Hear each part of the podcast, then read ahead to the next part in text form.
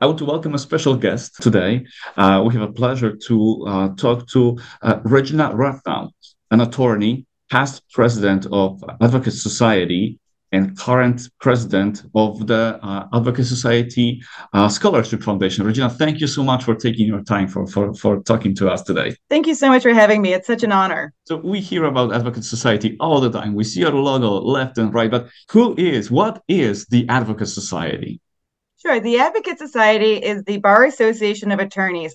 It is the oldest ethnic bar association here in Chicago. It's been around since 1941, and our purpose is to serve the legal community of Chicago and specifically the Polish American community.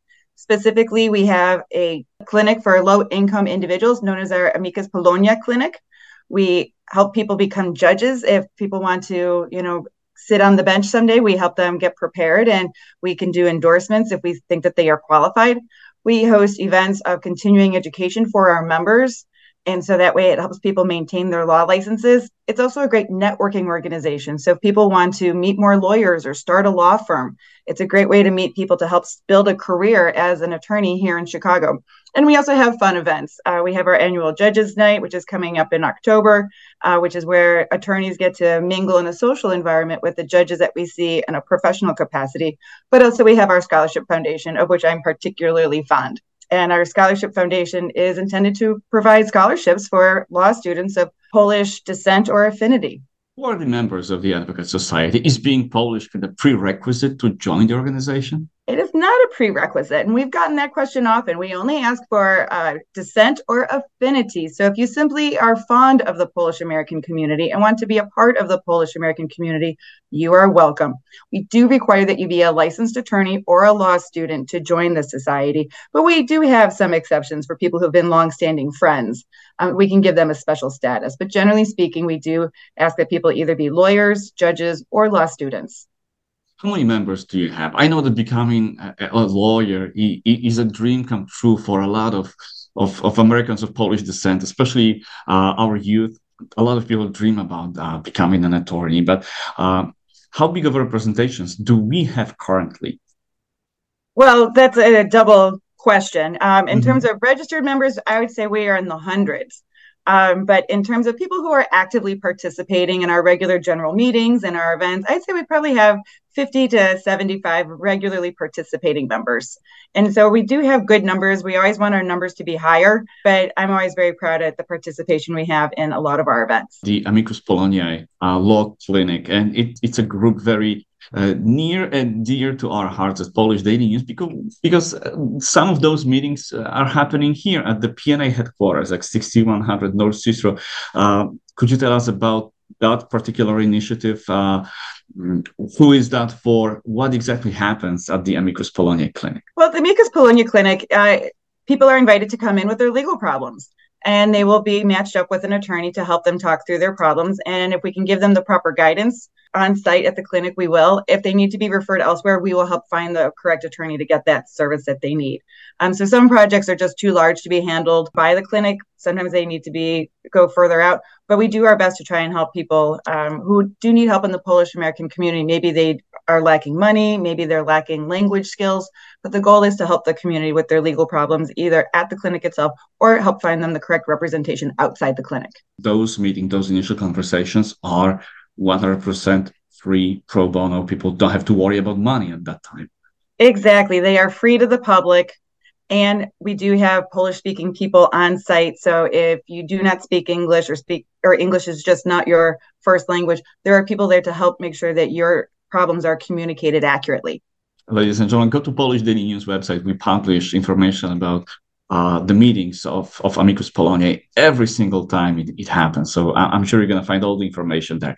Let's go back to the scholarships. It's, I think, one of the most important aspects of uh, activity of uh, the Advocate Society. So how much money is being awarded every year and, and who gets the money? Who gets that th- those scholarships? Our applicants tend to be Chicago area law students, um, and we do prefer that they be Chicago area law students because our hope is that they will become members, although that is definitely not a requirement. Um, but we do want to make sure that we see students who are currently in law school who are involved in the Polish American community. So, somebody who has demonstrated commitment to our community, people who show great promise to giving back to the community, um, just in terms of Polish American community as well as the legal community. And we're definitely considering how much need is out there. Uh, we know that law school is expensive. We know that it is a big investment. So we do try to help as much as we can. I'm proud to say our numbers keep getting bigger every year in terms of the amounts that are awarded. Last year, we gave out $12,000, and we hope to give out more this year. Um, but we are looking for uh, qualified students. I will say our application process is a little bit of a long application, but the benefit of the long application is that we do make sure that we do have students who are truly interested and truly qualified for these scholarships. And we try to be as generous as we can. But how do you get the funds? Uh, who's funding those scholarships? It comes in two parts. Um, one part is just outright donations from our membership. Um, so we do get checks, you know, very often at year end and throughout the year from people who just want to support our mission. Uh, very often they're members within the Advocate Society itself, um, but we do try to extend that invitation outside the society to donate money. But also, we have our annual fundraiser. This year, it's going to be on November 30th at Maggiano's in downtown Chicago at 516 North Clark uh, from 6 to 10 p.m. And at our scholarship fundraiser, we have a full dinner, open bar, and we have a silent auction. We have uh, usually an award to give out uh, to somebody who's been deserving, and we try to students who have won in past years. So it's a very fun evening, uh, lots of conversations, and so I always enjoy our annual scholarship fundraiser. So that's our primary fundraiser for getting money for our scholarship fund.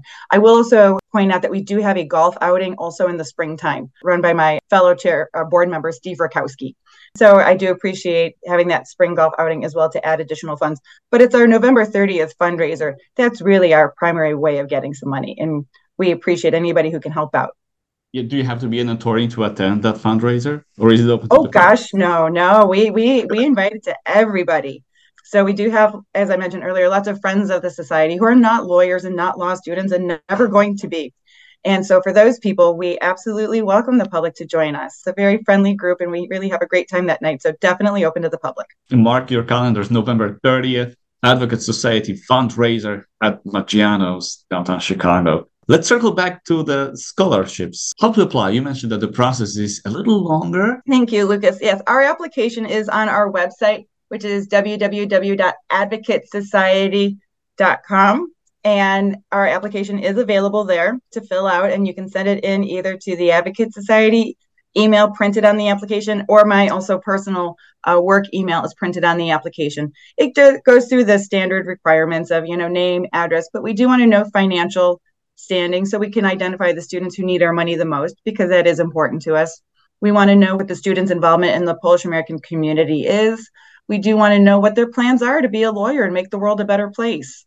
We do want to know their academic achievement. So that way we can, you know, get a good formula of Polish American involvement, financial need, and chances for success. And so those things are all important to us when we are figuring out how to award our money. But the application, I always say it's a little bit long, but people who fill it out and truly qualify generally get a benefit out of it. Please mention that website again so everybody will have a chance to write it down. Advocatesociety.com. Let me ask you a few questions about becoming a lawyer. That's a journey you you went through, and as I mentioned before, that's a journey that a lot of people of Polish descent want to undertake. They dream about becoming a lawyer. Is it really that hard of a journey? I do think it is a challenge to get through three years of law school plus four years of college beforehand. So I do believe it's a lot of work.